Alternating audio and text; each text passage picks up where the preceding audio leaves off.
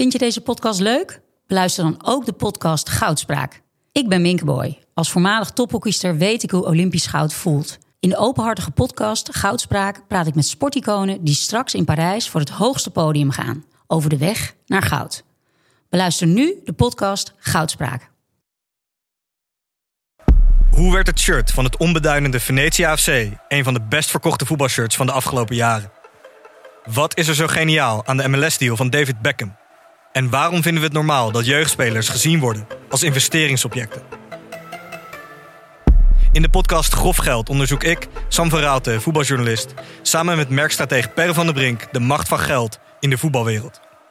Wat gaat er schuil achter de wereld van sport en glamour? En wie profiteert er? Luister naar Grof Geld en hoor hoe de Skybox de staantribune beïnvloedt. Nou, nadat je dat over die ultra's van, eh, maar van. Nice hebt gezegd, ben jij je leven Ja. niet veilig. Want het is, jij, hebt- jij hebt niet echt een stevig hek om dat eh, huis in Frankrijk. En wegrennen zit er ook voorlopig niet in. And uh, there used to be a ballpark where the field was warm and green. And uh, the people played their crazy game with a joy I'd never seen. And uh, the Welkom iedereen bij aflevering 2 van het eh, nieuwe seizoen Hartgras. De wekelijkse podcast nu over de Eredivisie, over de actualiteit. We schakelen eventjes met Frankrijk zometeen, want daar zit Henk Spaan. En er is veel gebeurd dit weekend. Eh, volgens mij moeten we het daar eventjes over hebben. Ehm, verder de opstelling Frans Tomezen, Michel van Egmond en Hugo Borst. Heren, hoe, hoe zitten we erbij op deze maandagochtend? Nou, ik moet zeggen, ik vind het een hele eer dat ik er zit. Ik vond het vorige keer al een eer. En ik wil vooral even zeggen, ik doe dit niet voor mezelf. Ik doe dit echt voor het land. dat, iedereen, gekozen. dat iedereen dat wel weet. Ik doe dit echt voor de natie. En er was ook niemand anders. Wie had die anders moeten zitten dan ik? Goed begin dit, eh, Michel. Dit Wat- is voorsorteren op een discussie. Ik kan niet wachten. Ik hoorde ook een beetje eh, wel een eh, cynisme in deze Ja. antwoorden. Natuurlijk. En niet alleen voor jezelf, maar ook naar de man toe waar we het over hebben, Louis van Gaal. Louis van Gaal, ja, natuurlijk. Ja, daar, daar moeten we het toch over hebben.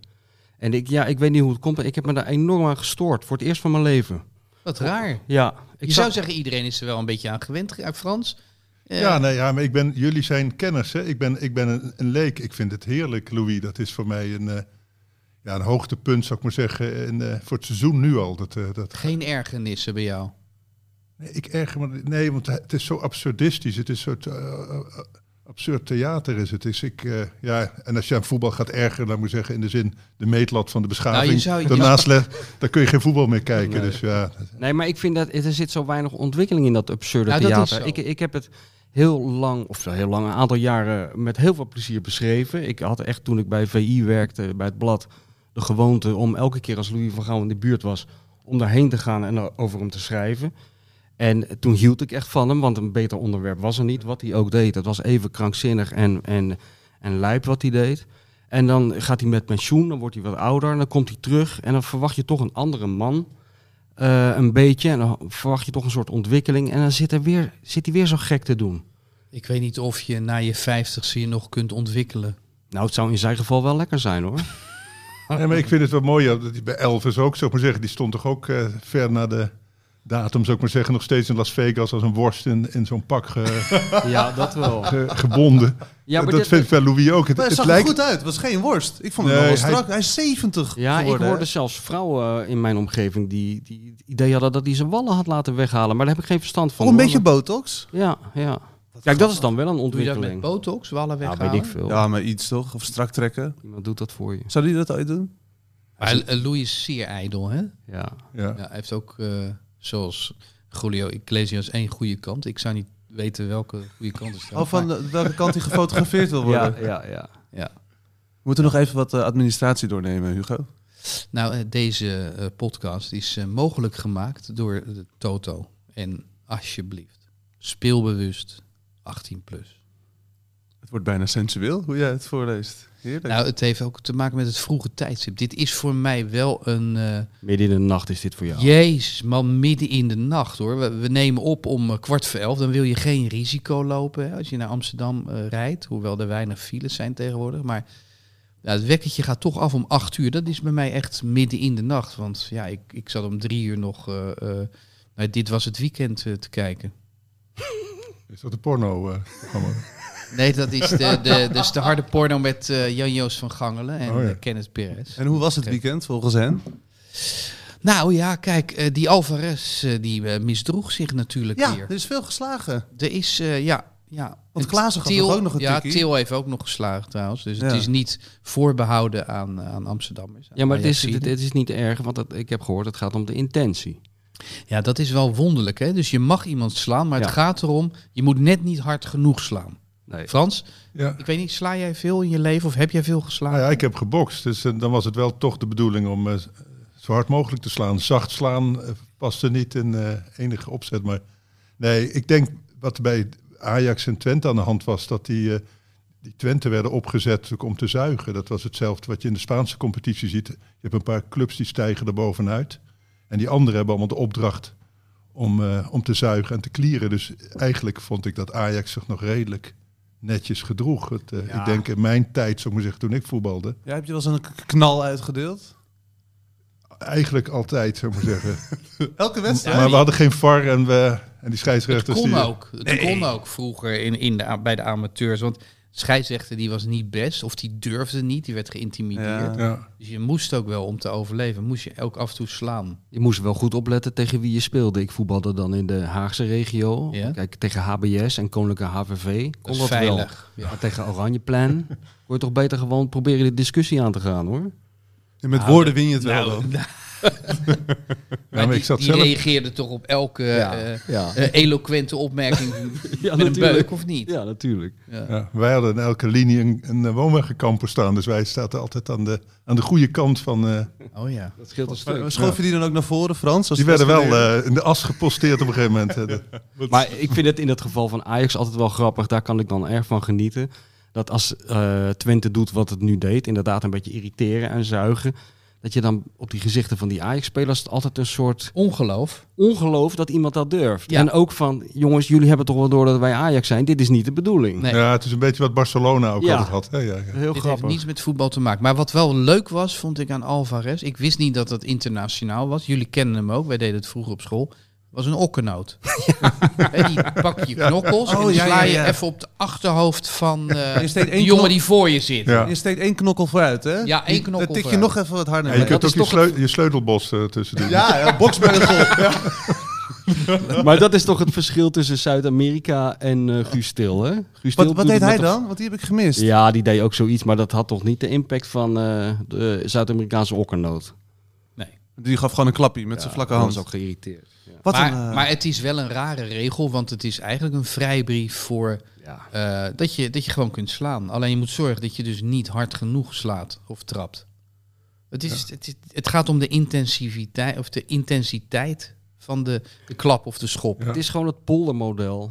Het is dat weer, is het. eh, ja. eh, geen vlees, geen vis, doe maar wat. En eh, niemand weet het echt. Ja.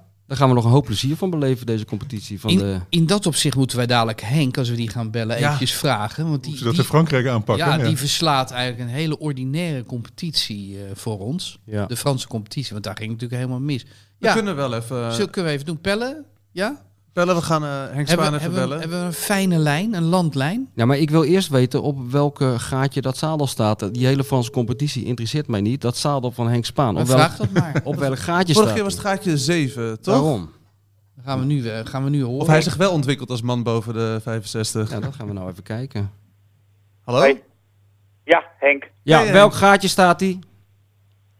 Eh, nee, ik eh, zit niet bij de fysio, eh, maar ik heb hier in de keuken ook een handtrainer staan. En daar heb ik gisteren op gezeten, vier gaatjes. Nee! Ah, Nee. keurig. Daar kan Louis van Gaal een voorbeeld aan nemen. Jij maakt een ontwikkeling door. Heel goed, Precies. Henk. Gefeliciteerd. Dank je. Hoe is het, Henk? Hoe is de sfeer in Frankrijk na gisteravond? Bij Marseille tegen Nice, of andersom? Ja, Nice Marseille. Nou, het was natuurlijk eh, formidabel wat daar gebeurde. En ik zag op Twitter al mensen die gewoon nog anderhalf uur hebben genoten van de beelden. Eh, ja, het begon. Er was eerder in de wedstrijd al iets met die ultra's. Eh, dat werd eh, in, in de kiem gesmoord. Nou, op een gegeven moment krijgt uh, Payet, en er moest een corner geloof ik worden genomen, die krijgt een eh, flesje, eh, een vol flesje in zijn rug. Speler van Marseille is dat. Payet is eh, de beste speler van Marseille en de aanvoerder. Kreeg een eh, flesje in zijn rug. Hij viel om. Eh, staat op en gooit het flesje terug het, va- het vak in. Ja, goed. Nou, is het zo met ultra's. eh, ze mogen zelf alles, maar je mag niks terug doen. Lekker wel Dat was journalisten. Payet- Ja, dat, dat was Payet even vergeten. En eh, nou, toen werd het echt op een ongehoorde manier werd het hommeles. Dus de, de fans vielen de spelers aan.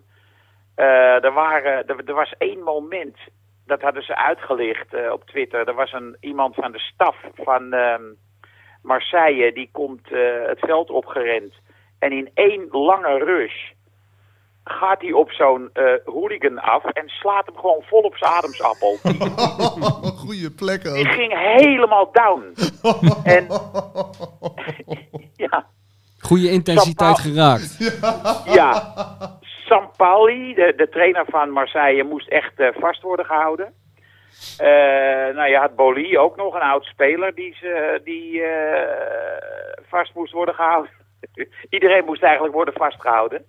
Ehm, maar Marseille weigerde verder nog te spelen. De, de bond had gezegd, we gaan nu doorspelen, na drie kwartier. Ehm, eh, Marseille zei, wij zijn niet veilig hier, wij spelen niet meer. Dus eh, dat kan ze 3-0 opleveren, nederlaag. Hoe stond het? Het kan ook zijn dat de bond eh, medelijden heeft. Eh Nice zal wel grote straffen krijgen, eh, lang zonder publiek moeten spelen. Eh, vorige week was het ook al ged- ged- geduvel met Marseille tegen Montpellier. Dus ehm, op allerlei manieren valt Ziggo wel met zijn neus in de boter. Want het, het stond 1-0 voor Nice, toch? Door Casper Ja. Dolberg. Weer Dolberg, hè? Zo'n mooie goal, jongens. Het was een, eh, een, ehm, een voorzet van de rechtsback. Eh, gewoon op normale kophoogte, zeg Ja, maar. de daar hebben we niks aan. Rechtsback, die mannen hebben toch namen? Wie is dat? Geen idee. Eh, maar hij kopte hem zo verschrikkelijk. Hij kwam, de loopactie was al geweldig. Het koppen was werkelijk in uiterste rust, werkelijk. Bij de eerste paal kopte hij hem erin. Was een prachtig doelpunt. Nou ja, anyway, 1-0. Ik ben benieuwd of, het, eh, of die uitslag gehandhaafd gaat blijven. Heerlijk als je er zo over praat. Over dit, over dit doelpunt. Maar het spannendste zat dus eh, daarna. 20 minuten later Ja. of zo. Ja, en ik miste het begin van het knokken, omdat ik eh, eigenlijk tegen mijn plannen in naar promenade was geschakeld. Oh, maar daar heb je geen spijt van gehad, toch? Ik heb echt zitten smullen voor de buis. Nee, het was natuurlijk weer uitstekend. Maar met een kleine kanttekening dat ik het begin van het knokken heb gemist. Heb ik later wel allemaal teruggekeken. Maar eh, ja, promenade was heel erg goed weer. Monoloog van Krutsen, dronken monoloog. Prachtig. Over eh, de coalitie hè? en de vorming daarvan. Ja. Ja. Dan nog even naar het voetbal, want daar zitten we hier natuurlijk toch voor. Ehm, Ja, maar nog even, nog, ik wil nog even, Ja. even off topic. Eh, ik vind, Frank, dat 3FM is vandaag gedwongen, min of meer, Oh om elk uur een plaat te draaien van de Everly Brothers. Ah, Oh ja. ja. Om het, eh, De grondleggers van de, van de, van de in popmuziek veranderde country. En eh, de, de, de beïnvloeders van de Beatles. Eh, Paul Ja. McCartney zei bij het overlijden van Phil Everly, en, zeven jaar geleden, zei Paul McCartney... Als wij in de huiskamer speelden, John en ik samen, dan was John altijd Don Everly en ik was Phil Everly. Nummer als Please Please Me is helemaal, de close harmony is helemaal, is letterlijk overgenomen van de Everly Brothers. Maar Henk, Dus het, search, het dus is Radio 2, joh. oh ja, Radio 5 misschien zelfs. Nou, Of dan, vind je dat- dan eh, als jullie zeg maar kwaliteit niet bij Radio 3 horen vinden passen, vinden horen passen. Ja, maar ze willen Ja, geen oude meuk. Maar vind je dat iedereen Ja, schatplichtig is... aan de Everly Brothers? Dus ook een, eh, wat je nu hebt, een, een, een Dua Lipa of een Imagine Dragons. Gewoon alle bands van nu, dat die schatplichtig zijn aan, aan die, twee, die twee broers. Zeker. Alle close harmony nummers eh, zijn in oorsprong Everly Brothers. Ik kijk even naar Frans hoor, want die heeft er echt ook verstand van. Is, klopt dit allemaal? Nou ja, je had in de, als je het echt in de Kentucky coal mines duikt, waar die jongens vandaan komen, die Everly Brothers, hè, de, Muhlenberg County, om precies te zijn. Daar had je ook eh, de Leuven Brothers, en die waren al iets langer bezig. Die waren wel heel christelijk. Die hadden hun bekendste plaat is Satan is Real. Die moeten ze nou eens op 3FM draaien om 8 uur 's Dat klinkt goed, En dat bedoelden ze letterlijk. Maar, en zij probeerden heel mooi te zingen om bij God, zou ik maar zeggen, in het gevlei te komen. dit- om aan ja. Satan Ja. te ontsnappen. Dat, Ja, da- ja. dat waar, dus in die, laat ik zeggen, in die, in die mijngebieden en Bi- Bijbelbeltachtige sferen. Had je wel meer van die eh, brave broertjes die eh, heel mooi probeerden te zingen. Maar de Ja. Everly's hebben het natuurlijk eh, op het grote podium gebracht. Heb je, heb je dus ooit live gezien er- ergens? Of zijn ze nooit deze kant op gekomen? Jawel, ik heb, ze in de, ik heb de reunion concert gezien in de Royal Albert Hall. Wauw. En, Henk- gooide ook heel vaak de Everly Brothers onder, de, onder de items van eh, Harry Vermegen. Ja, ja, ja, ja. En eh, wij begonnen tussen start en finish altijd met Love of the Common People. Oh ja. Eh, Ja. van, en, dat is een, eh, een cover door de Everly Brothers gezongen. Die heb ik later weer gecoverd met eh, Stille Willem. En die hebben wij met z'n allen Close Harmony gezongen tijdens de Hartgras Tour. Daar hebben de mensen het nou nog over. Keer op keer. Dus uiteindelijk, met, met, met Anne Enquist op piano. zou dat nog een stukje kunnen? Of is dat, eh, Nee. Piano. Christa op die piano. zit het nog in jullie, Ja. in jullie grijze hersencellen, heren? Ja, die, die- dat, die Frans Everly Brothers, wel, hoor. ja, die hoor ik nog steeds als we opkomen. Zo, die, die spectaculaire opkomst altijd. Maar is er iets, eh, Henk, wat we er even in moeten gooien als eerbetoon? Een klein, een klein fragmentje van wel- welk Ja, liedje dat- van de ja. Everly Brothers? Nou ja, ik zou eigenlijk eh, nemen. Er is, een, er is een avond op YouTube, kan je die zien. Eh, tribute to Chet Atkins of zo. Daar, zit, daar zie je Mark Knopfler zitten, Chet Atkins. En de Everly Brothers die komen dan eerbewijs aan Chet Atkins met een gastoptreden. Die zingen een nummer eh, do- eh, Why Worry. Dat is een fantastisch filmpje. Alleen dat moet Pelle dan straks even onderschuiven. Maar Nee, dat heeft hij al gedaan. Hoor je het Ja, daar niet? komt hij.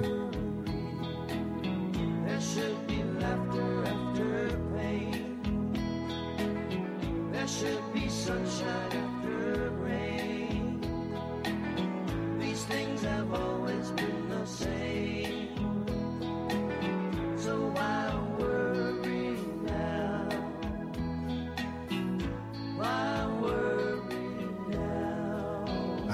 prachtig. Oh, oh, oh, Henk, wat een goed advies weer vanuit Frankrijk, Ja. zeg. Ja, eh, Don, eh, Don Everly die zei eh, onlangs nog, hij is opgenomen in de Hall of Fame uiteraard, eh Everly Brothers.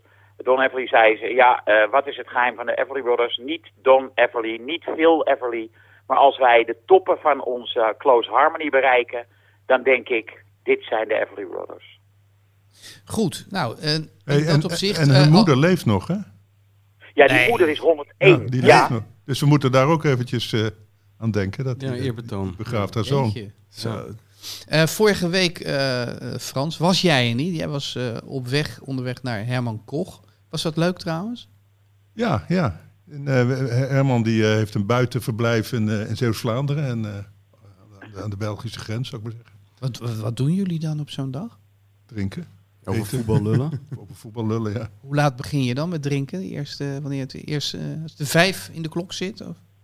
Ja, de- wel in de middag denk ik. Hè. Gewoon eh, over lunchtijd, twaalf. zou ik maar zeggen. En, en, en je Spa- kunt zijn dan, Spaans, eh, Spaans regime is het, hè? Dat gaat de hele dag gestaag door eigenlijk. maar je hebt je chauffeur dan bij je.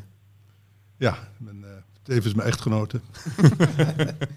Maar goed, we hadden het eh, eh, bij de eerste podcast van eh, dit seizoen, voetbalseizoen, hadden we het over Gert Muller. En eigenlijk kon niemand hem goed uitluiden.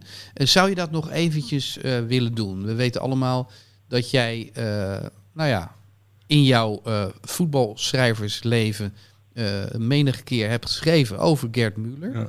Ja. De man ja, maakt deel uit van je leven. Zou je hem even kunnen uitluiden voor ons? Ja, ja hij, hij, was, hij werd hier, eh, vond ik, in Nederland te, te zachtaardig aangepakt. Dat is heel vreemd. Hij werd zelfs door sommigen bewonderd om zijn eh, voetbalkunsten. Wat mij een hele foute benadering van dit verschijnsel lijkt.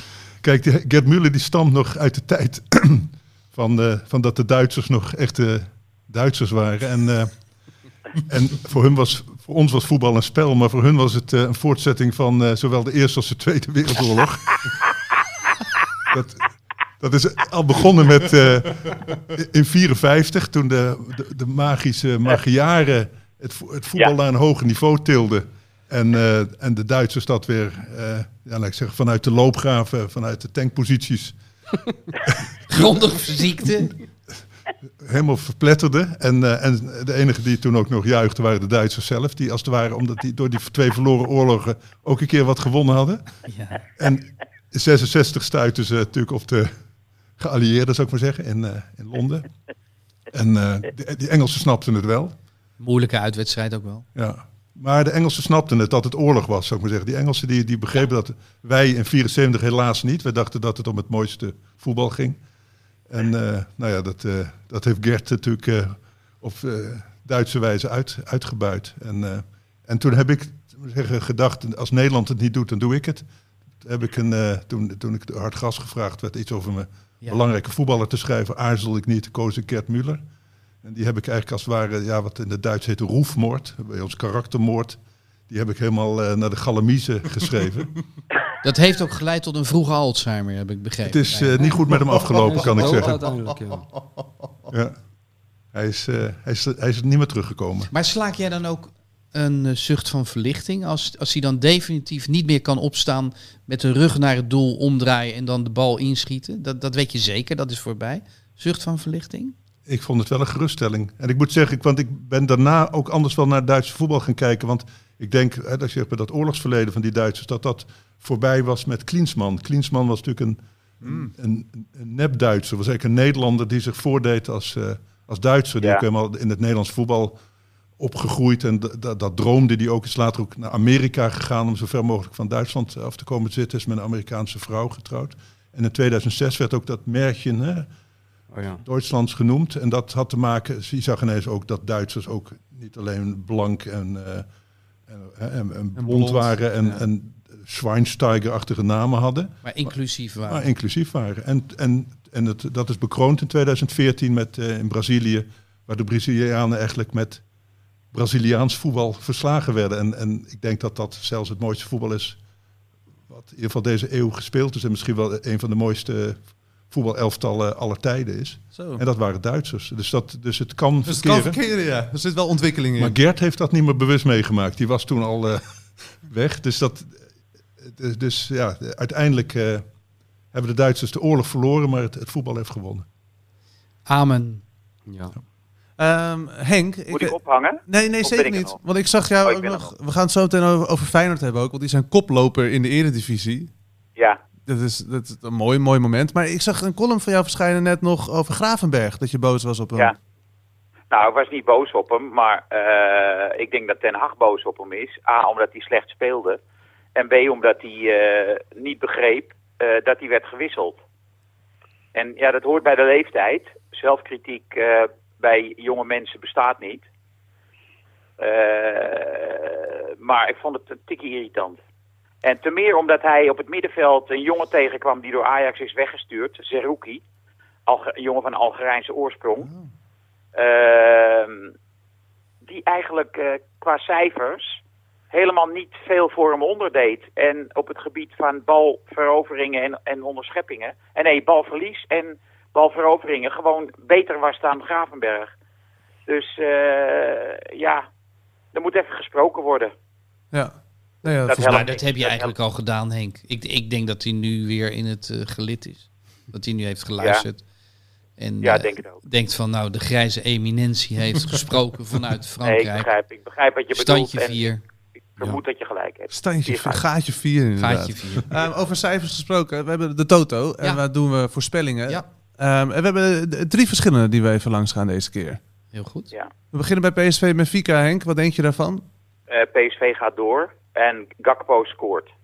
Duidelijk. En Michel, wil jij Matthijs voor je rekening nemen? Ah, shit, dan moet ik mijn bril opzetten, man. Dan zal ik in ieder geval zeggen dat ik Oké, denk PSV dat naar de volgende ronde. Ik, wat daaronder staat begrijp ik niet helemaal. Dat is de quotering of zo. Exact. Ja. is 2,34. Ik zeg ook PSV wint 1,98. Ik denk dat eh, Benfica doorgaat, maar wel dat Sahavi scoort. En dan verdien ik eh, heel veel. Eh, mijn kwartering is 17. Jeetje zeg. Hé, maar waarom krijgt Matthijs meer voor dezelfde voorspelling? Is dat... eh, Omdat het Matthijs Nee, is.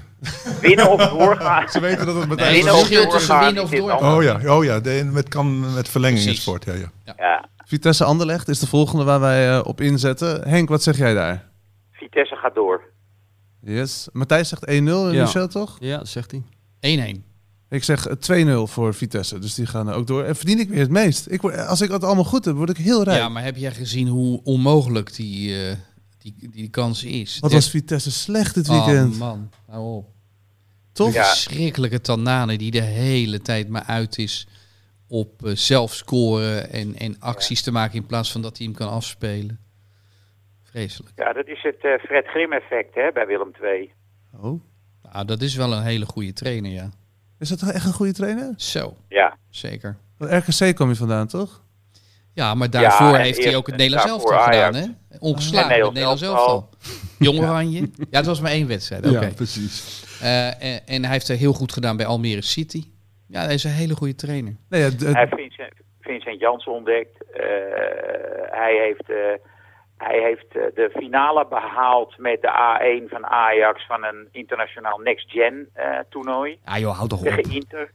Fred Grim, hij verliest toch altijd? Fred Michel begint nu helemaal rood te worden. De- er is iets wat, wat, wat, wat hem irriteert. Wat is dat precies, Michel? Nee, joh, wat ik een goede bril had hij trouwens. Ja, hij had wel een goede bril. Laten we het daarop houden dan. Nee, nee, maar wat is er? Wat vind je verschrikkelijk nee, aan ik, Fred? ik weet niet. Ja, ja, ik vind, ja, dat gaat zo snel in het voetbal, weet je wel. Hoe mensen, vooral trainers tegenwoordig. Ik weet niet of dat aan mij ligt. Het lijkt wel een trend.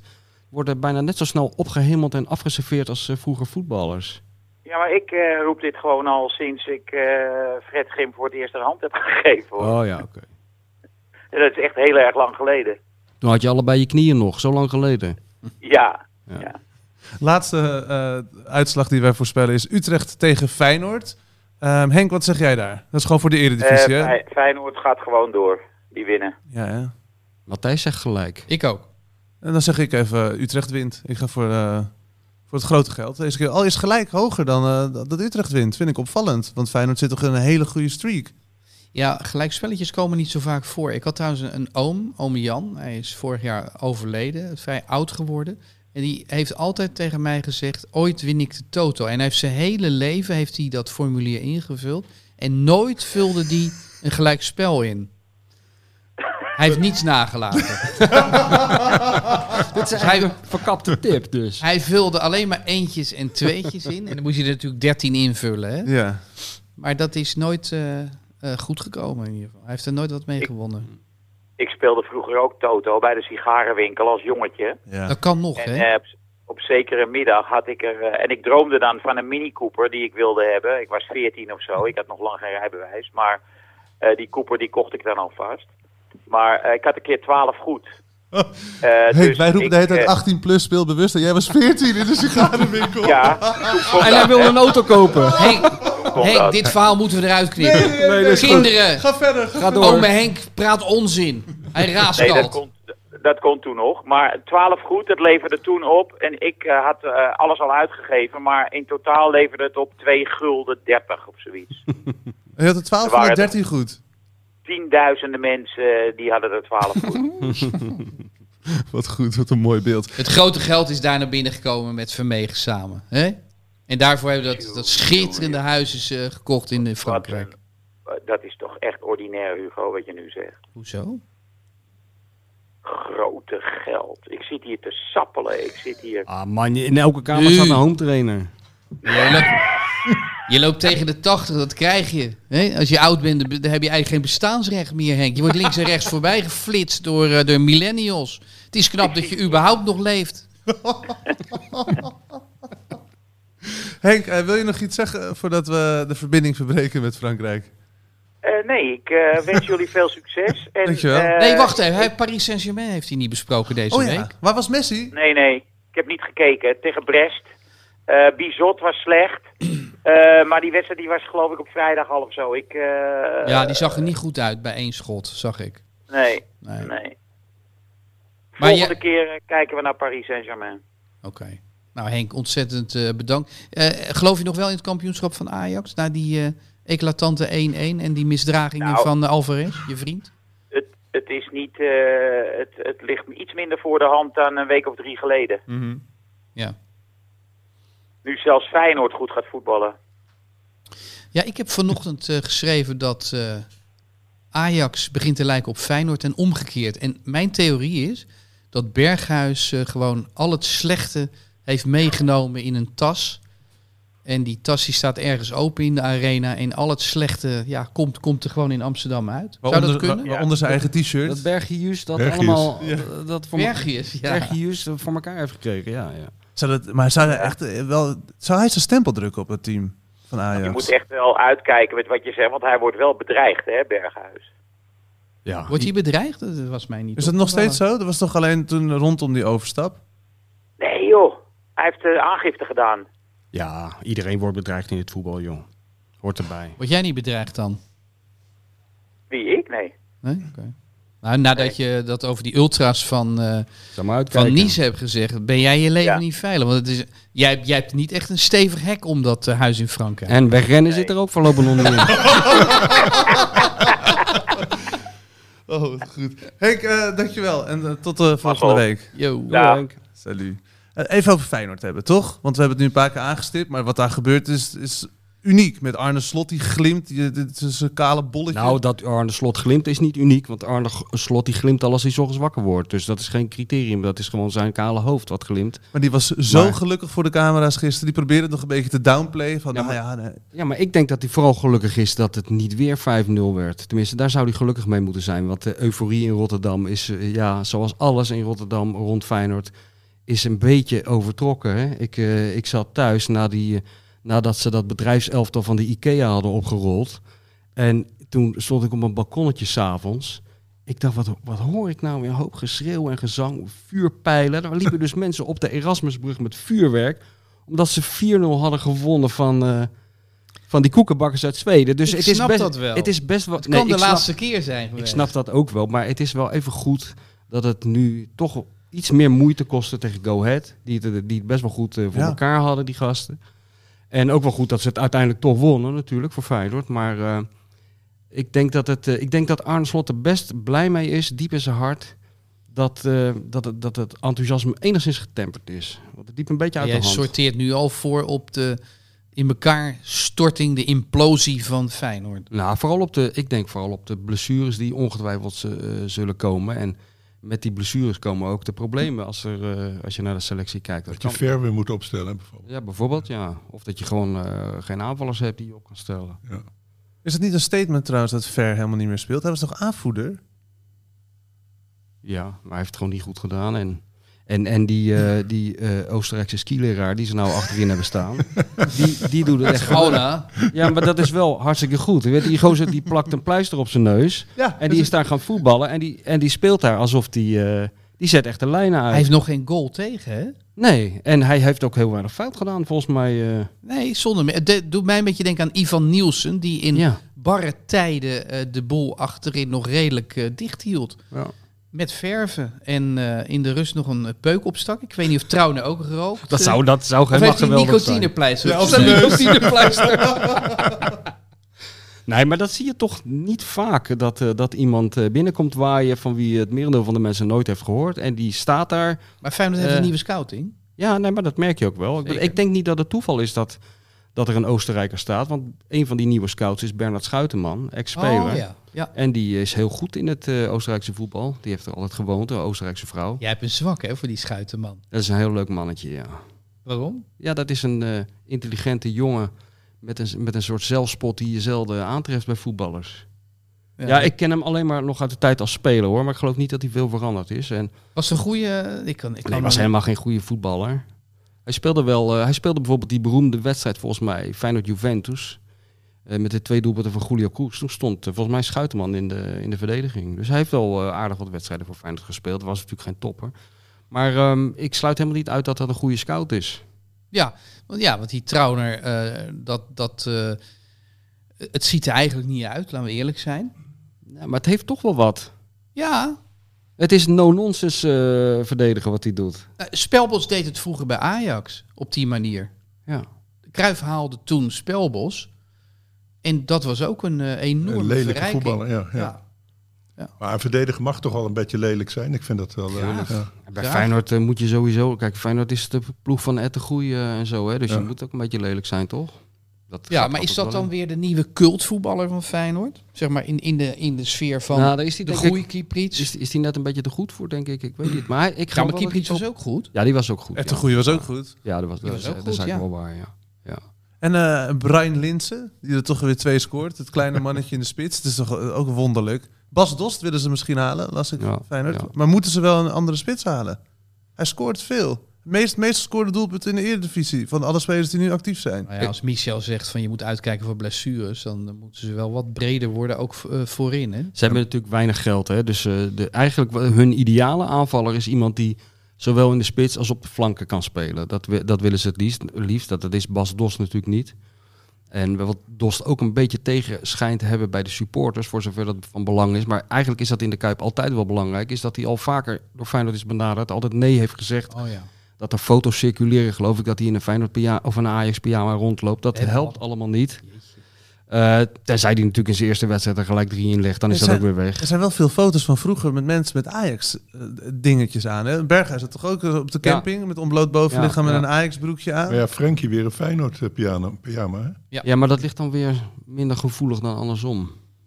Hè, dat, eh, Maar goed, ik denk als ze Dost zouden kunnen halen, Doen toch? dan moeten ze dat doen. En Luc de Jong komt die nog naar PSV? Die werd genoemd bij Barcelona, hoorde ik net. Maar Barcelona mag toch helemaal geen spelers meer. Ja, ze zouden wat kunnen ruilen. Wie liever? Braithwaite? betekent wel dat hij niet veel meer kost. Die Luc. ja. Die moeten ze echt kwijt dan. Hè? ja, geen salaris waarschijnlijk, want dat kan niet anders. Of het moet, moet, eh, Memphis moet eh, salaris Ja, inleveren. voor Luc of- weer. hè? Ja. Om de komst van Luc mogelijk te maken. Ja. Ja. Die had ze, had ze wel gered, toch, Memphis? Ja, lekker een mooi goaltje wel, ja. Ik zag hem. Maar hij miste ook wel een enorme kans op, eh, op 2-1, trouwens. Maar ja, toch ook wel weer knap van die eigenheimer. Hij Mhm. staat er wel. Ja, nee, heel Ik vond, ik En hij schoot hem goed. schitterend in. Ja, Heb je gezien die Frenkie was waanzinnig, vond ik. Ik heb het niet gezien, de wedstrijd. Dat is grappig dat jij dat zegt, eh, Frans. Want eh, ik zat naar Rondo te kijken en Ruud Gullit was beton partij kritisch. Oh? Positief kritisch, ook wel.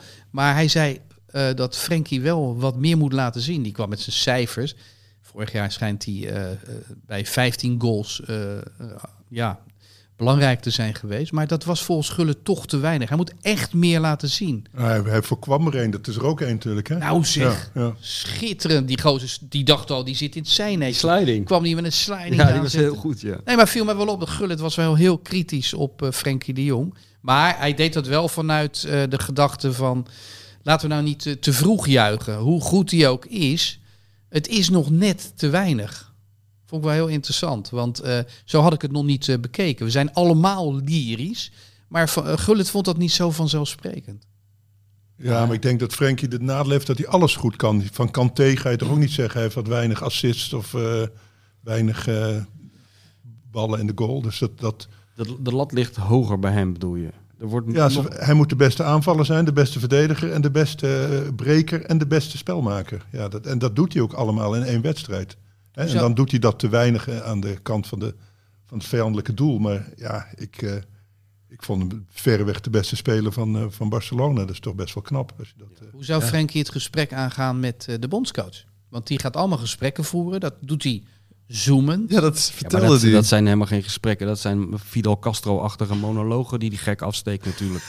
Die belt je op en dan heb je na een uur heb je een rood oor. En dan heb je alleen maar naar Louis van Gaal zitten luisteren. En dan, Denk je niet dat ze facetimen?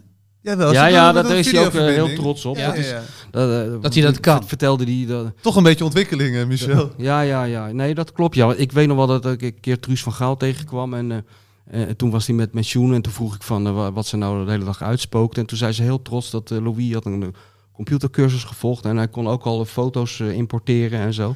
Dus eh, dat is een paar jaar geleden. En nu kan hij al eh, facetimen. Dus wat dat betreft is hij lekker bezig. Maar in dat, in dat opzicht is het toch fijn dat Memphis Depay nu een beetje op zijn plek is voor het Nederlands elftal. Want volgens mij moeten we over anderhalve week tegen Noorwegen. Eh, dat is eh, correct. En tevens juist. Wat, wat denken we daarvan? Of is het daar iets te vroeg voor om op vooruit te lijkt, het blikken? lijkt mij joh. allemaal niet zo heel erg moeilijk. Makkie? Ach joh, dit, hij is nou uit. Het is hij de een die daar heel goed kan voetballen en de rest kan aardig voetballen. Dus je moet zorgen dat die aardige voetballers die bal niet bij die hele Juist. goede voetballer Zo krijgen. simpel is het. Daar hebben ze maanden de tijd voor gehad om die paas dus eh, eruit te halen. Nou, daar kun je wel een conceptje voor verzinnen. Dus als Is Haaland wordt ge... Elimineerd doordat Ja. hij niet, geen pasen krijgt. Of als hij wel een paas krijgt, dat er dan nog een ultieme tackle komt. Wat mij betreft van Frenkie de Jong. Dan komt het allemaal dik in orde. Hij is ook helemaal niet goed bij Noorwegen. Dus het, dat- hij is bij Noorwegen lang niet zo goed als bij eh, Dortmund. Omdat hij die ballen niet krijgt. Precies. Oh, dat is eigenlijk maar- appeltje eitje. Ja, maar Van Gaal doet net alsof het een soort mission impossible is. waar- Achterlijk. waar hij voor staat. Is Het toch helemaal slim? niet- Ja, slim nou slim. Ik bedoel, eh, het, het ligt er zo dik bovenop dat ik het niet, niet echt slim meer vind. Ik vind het een beetje eh, onnodig gewoon. Dat doe niet zo moeilijk, joh. Doe niet zo interessant. Ja, maar het is wel zo dat er niemand anders zou deze job kunnen doen. Daar heeft hij gewoon wel gelijk in. Verzin jij maar iemand die je voor Nou, ik hoorde Gullit eh, zeggen dat Arsène Wenger eh, geïnteresseerd was. Ja, ja. Hij had Wenger gesproken, die had in theorie best wel interesse. Hè? Ja, die had interesse, zei hij. Ja, maar ja, dan kom je toch wel bij eh analyserend Nederland terecht dat eh, xenofobe trekjes heeft. Buitenlanders, die mogen niet aan Nee, het Nederlandse voetbal nee. komen. Hè? Nee. Die Hollandse school Frans, Ja. oh man, die is zo heilig. Ja, maar als Ruud Gullit zo op die cijfers zit, die, die cijfers van die Wenger zijn ook niet eh, top, zou ik maar zeggen. Nee, die heeft niet zoveel gewonnen. Nee, hè? toch? Nee. Nee. Maar ik ben ook benieuwd wat voor systeem eh, daar nou wordt gespeeld. Want het laatste grote interview wat ik eh, met Louis las was eh, ter ondersteuning van Frank de Boer. En toen heb ik toch echt gelezen dat hij zei dat het nieuwe systeem, dat was de toekomst. En dat 4-3-3, dat kon allemaal niet meer.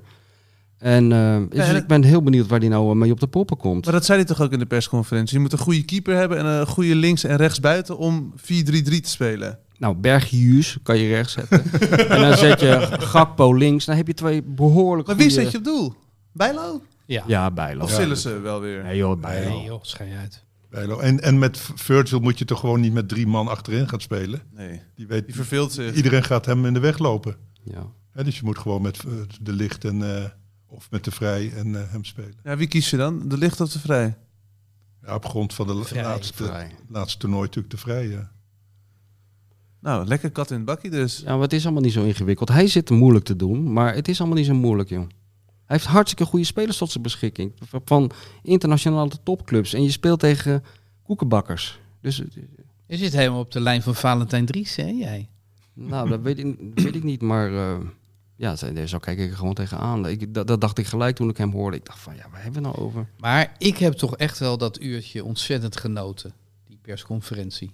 En Frans, Ja, ik, ik- hij tiltte toch het, het fenomeen persconferentie naar een, eh, een ander niveau, vind ik. er heerst maar- toch een zinderende spanning, alsof Willemina nog eventjes Radio Oranje doet. Ja, Ja. Mooie vergelijking. Nou ja, het zou wel leuk zijn als, het, als, als er iets meer tegen hem gas komt. Maar kan jij er niet gaan zitten dan. Michel, in die zaal? Of mogen jullie daar niet meer in? Nou, dat, is, dat weet ik niet. Ik weet niet of ik daar zin in heb. Ik heb dat alles gedaan eh, in, eh, in, in China. Ik ben een keer met Ja, het Nederlands elftal naar, eh, naar, naar Indonesië en China geweest. Toen heb ik dat gedaan in kleine kring. Toen, eh, en toen vroeg ik aan Louis van Gaal... eh, Je begint te toen, glimmen. toen, toen was hij heel, heel zagrijnig die dag. Wat, eh, dat was eigenlijk een geweldige dag. En op een gegeven moment vroeg ik, wat zit je nou eigenlijk druk te maken? En toen zei hij, ik zit me helemaal niet druk te maken! dat was eigenlijk het hoogtepunt van die hele avond. Middag. Oh, wat heerlijk. Eh, Ja, wat ging er toen allemaal fout? Alles ging fout. wat dan? Jansma die was enorm aan het eh, Ja, ja. eh, regelen en ritselen. De bedoeling, nou ja, ja. Eh, Jansma zei tegen mij daarvan. eh, Die was perschef? ik- ja, die was perschef. En die zei van, ik begrijp niet dat jij altijd Louis van Gaal neerzet als een soort halve garen. Daar kwam het eigenlijk op neer. Hij zei, het is echt een hele aardige man en dit en dat. En ik zei, ja, ik geloof je op je woord. Alleen wij krijgen dat nooit te zien, dat, dat, dat beeld van Louis. En toen had Kees verzonnen dat het tijd werd voor een charme-offensief. Dus toen werd in Peking op, een, eh, op de geloof, 45e verdieping van een hotel werd dan een eh, soort eh, ontmoeting tussen Louis en de pers georganiseerd. Alleen Kees had de pech dat Louis op de een of andere, om de een of andere reden met verkeerde been uit bed was gestapt die dag. Dus het, daar hing een spanning, dat was werkelijk niet te geloven. Er kwam ook nog de correspondent van het ANP in China, die kwam een kwartier te laat. Wat natuurlijk ook al heel goed was, waarop eh, Louis gelijk schreeuwde, bij mij mogen ze er dan niet meer in. En eh, nou ja, zo ging dat maar, weet je wel. En ik kan me nog herinneren dat Willem Vissers hele normale vragen eh, stelde aan Louis. En daar ontplofte die werkelijk. Dus ja, dat, dat viel eigenlijk volledig in het water. Waardoor het weer een schitterende cabaretvoorstelling was. Daar heb ik enorm van genoten. Ja, Jansma. zweet in de ja, ja. ja. Maar ik vond het nu, ja, ik weet niet eh, hoe... hoe eh, het lag misschien aan mijn eigen humeur, ik weet ook niet. Want heel Nederland heeft er weer van genoten. Maar ik werd er nu gewoon moe van. Mm. Ook dat begin, weet je wel... eh, Vrienden van de pers. maar weet je wat ik denk? Dat wil ik aan Frans vragen. Ik heb altijd het idee... Kijk, hij zegt soms hele rare zinnen. Bijvoorbeeld, of geloof ik over dat Zoom, zei hij van... Ja, ik heb gezoomd en dat heb ik met verven gedaan. Dat vind ik heel raar om van jezelf te zeggen. Maar mijn theorie is een beetje dat Louis van Gaal gewoon heel weinig taalgevoel heeft. Hij heeft gewoon, gewoon niet zo'n gevoel voor de nuance in de taal. Waardoor zijn uitspraken soms heel raar klinken in de oren van mensen die wel een beetje taalgevoel hebben. Ja, hij heeft natuurlijk iets van de, van de sergeant, hè, van het eh, de eenlettergrepige bevel.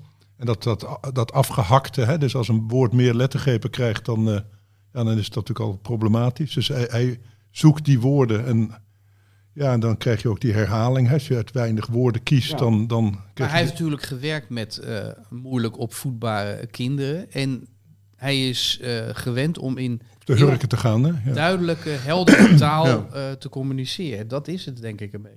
Wat, wat Jawel, maar dat wel is natuurlijk, is. maar iedere taalgebruiker weet dat hij zijn taalgebruik aanpast aan de omstandigheid. En dat er niet één Nou, maar manier misschien van... zijn die voetballers ook wel eh, moeilijk opvoedbare kinderen. Nou ja, en Een niet heel gedeelte wel bespraakt, toch? Er zijn niet Nou in ieder, in, mensen in de ieder maatschappij. geval... Nou, de Roon die schijnt heel veel te lezen, bijvoorbeeld. Ik denk dat die zich Ja, dan Steven wel de Vrij speelt piano. Ja. Maar dat is Matthijs de Ligt ook. Davy Klaas ook.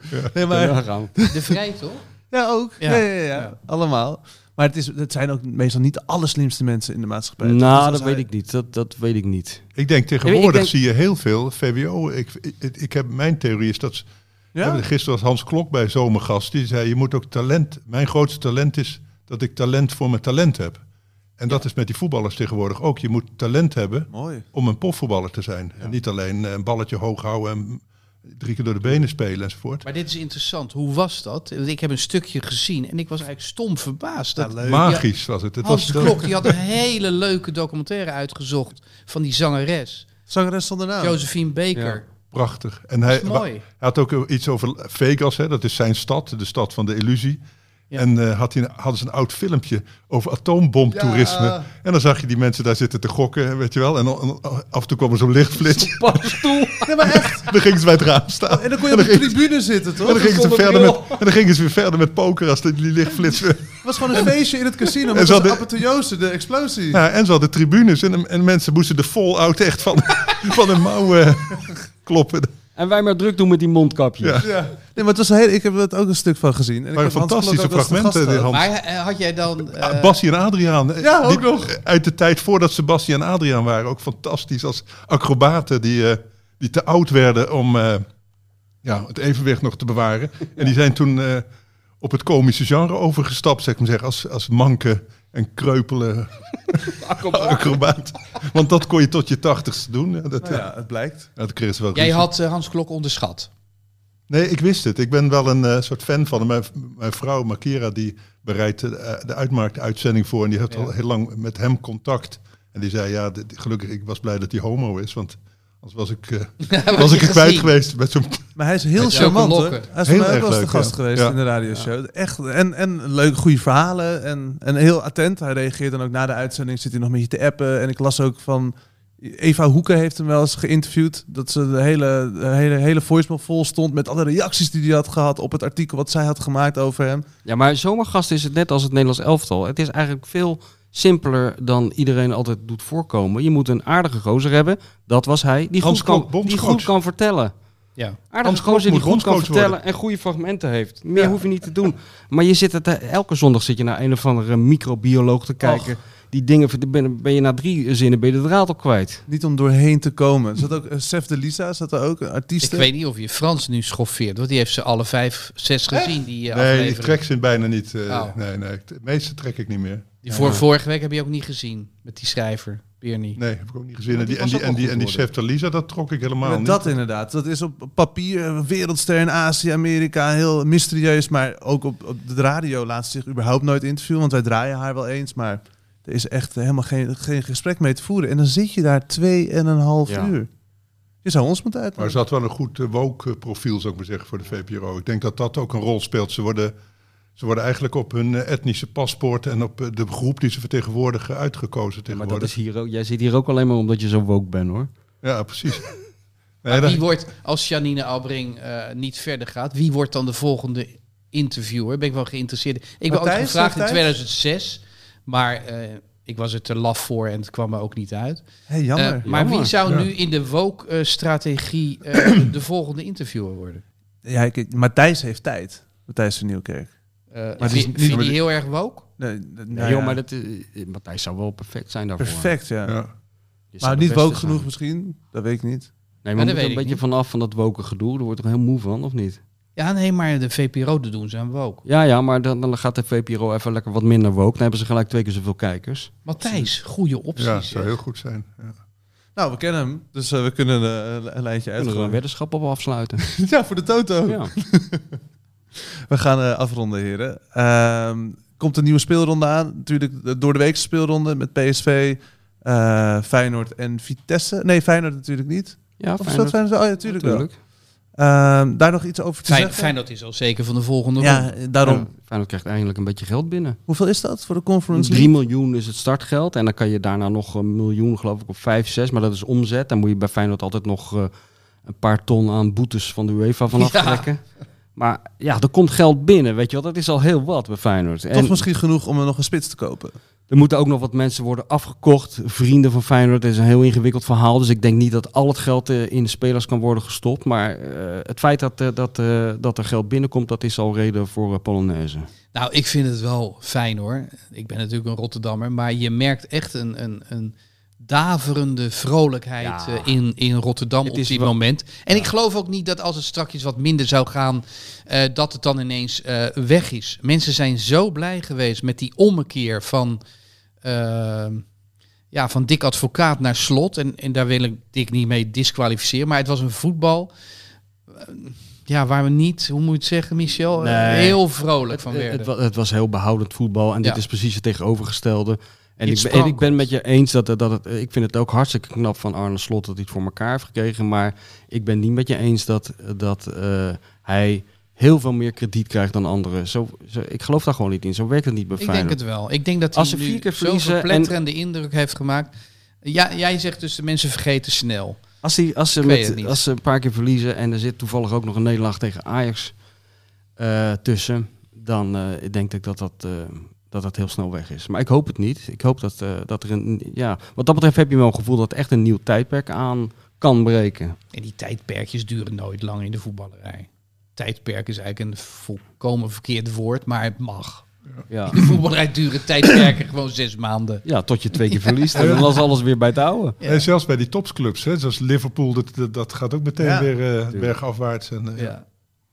Maar Ja. ik ben wel blij, we hebben het nog niet over PSV gehad. Dat is eigenlijk wel onterecht. Want ik vind wel leuk van deze competitie. Kijk, ik vind in het voetbal, het moderne voetbal, de grootste, eh, hoe noem je dat? Het grootste bedreiging van, van het moderne voetbal vind ik de voorspelbaarheid. Elke keer diezelfde clubs in de Champions League, elke keer dezelfde kampioen. Ik vind wel leuk dat je nu ziet dat eigenlijk het leukste spel wordt gespeeld door Feyenoord en PSV. Daar hebben we het nog bijna niet over gehad. Maar van PSV geniet ik ook enorm. wat je vroeger wat aan Ajax leek voorbehouden. Maar je kan er bij Feyenoord niet snel genoeg bij zijn. Dus we hebben nu Feyenoord in al zijn positiviteit eh, besproken. Ik denk dat PSV, eh, nou, die gaan het nog langer volhouden. Dus wij komen zeker in volgende afleveringen toe aan PSV. En dan is het misschien ook leuk om te kijken of we iemand uit onze club kunnen vinden die sympathie voor PSV heeft. Uit de hartgrasstal. Ik moet even diep nadenken. Ja, die. Arno. Kantelberg. En Arnon Gunberg, hè, die is een eh, PSV-fan. Oké. Ja. Nou, dan gaan we Arno Grunberg of Arno Kantelberg eh, eens proberen te tackelen. Ja. Goed, eh, dank voor het eh, luisteren. Zeker. En we moeten er een kleine administratie doen vanwege onze sponsor natuurlijk. Oh ja, ja, nee, dat vergeet ik helemaal. Deze podcast, beste mensen. Ja, het zal u niet verbazen, maar die is mogelijk gemaakt door Toto. Onze vrienden van Toto. Wat, wat zeg ik? Onze ja, suikeroom eh, Toto. Want eh, er zit zelfs een kleine vergoeding aan vast. Eh, Kijk, als je dan uit bed komt, Michel, kijk ook even aan jou. Ja, ja, ja, ja, kan je daar een Mini Cooper van kopen? Nou, Nou. dat niet, dat niet. Het is, eh, en, en, en, maar, maar het is wel zo dat we allemaal gewoon een, een klein envelopje eh meekrijgen. Oh, Pelle lekker. staat daar met bruine envelopjes. En als we straks weglopen, wel opgeven aan de belasting. Lekker zeg. En eh, ja, dat is ook mogelijk gemaakt door de Toot. En we zouden er best nog wel een sponsortje bij willen. Hè, Pelle? Toch? Ja, want Pelle loopt nu een beetje te besparen met eh, een beetje eh, goedkope supermarktkoffie en, eh, en, en broodjes. Waarvan ik de indruk heb dat ik die vorige week hier had zien liggen. Dus mocht u geïnteresseerd zijn om ons een hart onder de riem te steken en vooral een, een bruin zakje met ouderwetse bankbiljetten erin te stoppen, graag. Ehm, Nou ja. Mail, mail naar hartgras at uh, broadcast Broadcast Media. Hoe spel je dat? B-R-O-C-A-S-T media.nl. Weet je, zoals je Berghuis eh, schrijft. Ja. Bergius. Misschien was het om hem een nieuwe identiteit te geven. Ja, dat hij niet meer bedreigd wordt. Een pseudoniem, hè? Dat ze Ja, niet meer kunnen Een vinden. soort van alter ego. Dat hij een boek kan schrijven. Dat hij voortaan ook Het is wel een zwart mooie- over zo. Mooie geleerde naam, Dr. Bergius. Het eh, uit de 17e eeuw. Een je Ja, ja. Ik ga mijn envelopje ophalen. Tot volgende week. Yes, there used to be a ballpark